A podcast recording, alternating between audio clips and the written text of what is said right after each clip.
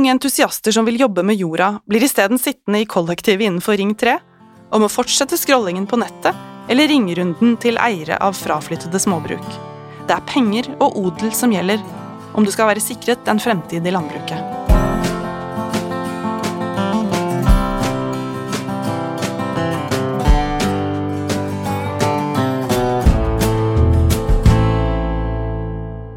Denne kronikken sto først på trykk i Ren mat nummer 47.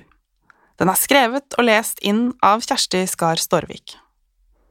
At man noget vil. Rekruttering av god kompetanse er grunnleggende for at landbruket skal levere det samfunnet trenger i fremtiden. Regjeringen vil se på landbruksutdanningene på alle nivå, og er opptatt av at vi sammen med sektorene kan finne tiltak på hvordan vi kan få flere til å velge landbruk som utdannings- og karrierevei, sa landbruks- og matminister Sandra Borch i forbindelse med en nettverkssamling om rekruttering til landbruket i 2022. Problemet er at det hjelper lite om Norge utdanner flere dyktige agronomer, hvis de utdanner seg til fant. Mulighetene for å starte for seg selv, kjøpe en gård og deretter få det til å gå rundt økonomisk, kan skremme selv den mest optimistiske ildsjel. For selv om insentiver og støtteordninger ser flotte ut på papiret, opplever de unge bøndene Ren Mat har snakket med, at virkeligheten er en helt annen.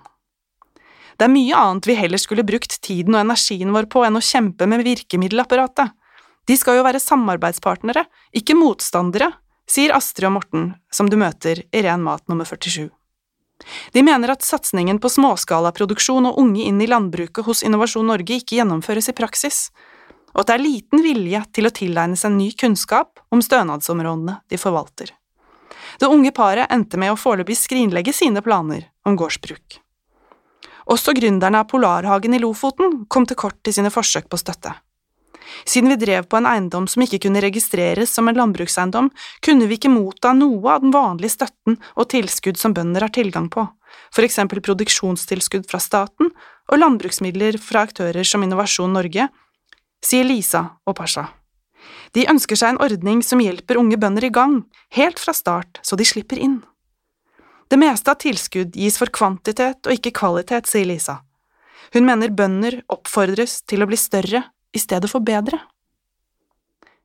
Om nyutdannede unge med bakgrunn fra Norge synes det er vanskelig å etablere seg, er porten om mulig enda smalere for personer som kommer hit med landbruksbakgrunn fra andre steder i verden, og et ønske om å fortsette som bønder i sitt nye hjemland. Hvor mange flerkulturelle bønder som finnes i Norge, er det lite kunnskap om. Da jeg søkte opp emnet, fant jeg ingen forskningsprosjekter, verken pågående eller avsluttede, om temaet. Gjennomsnittsbonden er i dag en 54 år gammel mann. Bare 17 av 100 som søker driftstilskudd, er kvinner. Økologisk landbruk er et mangfoldig lyspunkt i statistikken. Av 17% kvinner i landbruket driver over 15% økologisk. Som leder i Økologisk Norge, Markus Hustad, sier Økologisk landbruk ser på alternativer til og utviklingen av det som regnes som normalt i landbruket. Derfor er det plass til flere stemmer og andre perspektiver. Det forventes noe annet av en økologisk bonde, og kanskje nettopp derfor har man større frihet til å tenke alternativt. Det gir en mer mangfoldig gruppe matprodusenter. Likevel sier 40% av de som ikke har tilgang på en familiegård, at de er bekymret for hvordan de skal få det til. Det er få gårder til salgs og høye priser. Dette kommer frem i en spørreundersøkelse Ren Mat har foretatt blant studenter i økologisk landbruk. 60% av respondentene forteller også at de ikke synes det er så lett å finne informasjon om støtte- og låneordninger. Kjøp gården først, så kan vi kanskje gi deg støtte, blir i realiteten budskapet. Noen som sa catch 22? Småbruk selges som hytter til folk i byen, eller nabobonden får leie jorda. Utbyggere presser mot jordvernet. Gode kornarealer blir næringstomter. Fraflyttede bygder med jordflekker som kunne vært utmerket dyrkeareal for entusiastiske småbrukere, gror igjen med kratt. Det blir mål uten mening.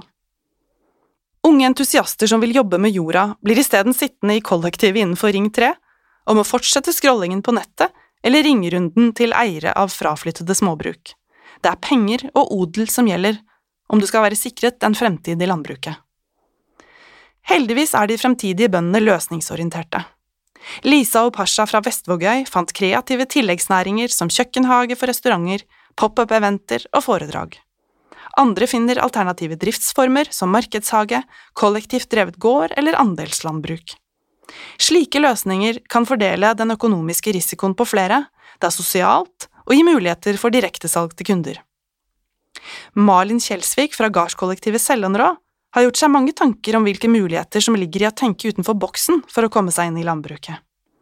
De fleste unge har ikke rukket å spare opp hundretusenvis i egenkapital, og mange har heller ikke et fast arbeid som kan gi lån i banken. Derimot er drømmen langt nærmere realisering om en slår seg sammen med flere som også vil dyrke jorda, sier Malin. På Sellanrå sørget de for tydelige avtaler og kontrakter, gode verktøy som ikke-voldelig kommunikasjon og en sosiokratisk møtestruktur. Norsk landbruk trenger folk som Astrid og Morten, Lisa og Pasha, Malin og de andre på Sellandrå. Vi må åpne grinda for minoriteter med internasjonal kompetanse fra land som har måttet finne smarte klimaløsninger langt tidligere enn oss, og vi må gjøre det enklere for kvinner å være bonde og mamma samtidig. Å være sjølberga handler ikke om å berge seg sjøl, men om å ha en stor rikdom av ressurser sammen med flere, skriver Malin. Om vi kunne se på landbruksarealet mer som en felles ressurs vi skal forvalte, enn som eiendom noen få skal besitte, ville vi kunne ta et kvantesprang mot mer mangfold, mer kunnskap og bedre selvforsyning i Norge. Det krever sine kamper. Det er mange som nå bruker både stemme og spade for å dunke på låvedøra og tilby landbruket sin kompetanse og dedikasjon. Fred er ei det beste, men at man noget vil. Slipp dem til.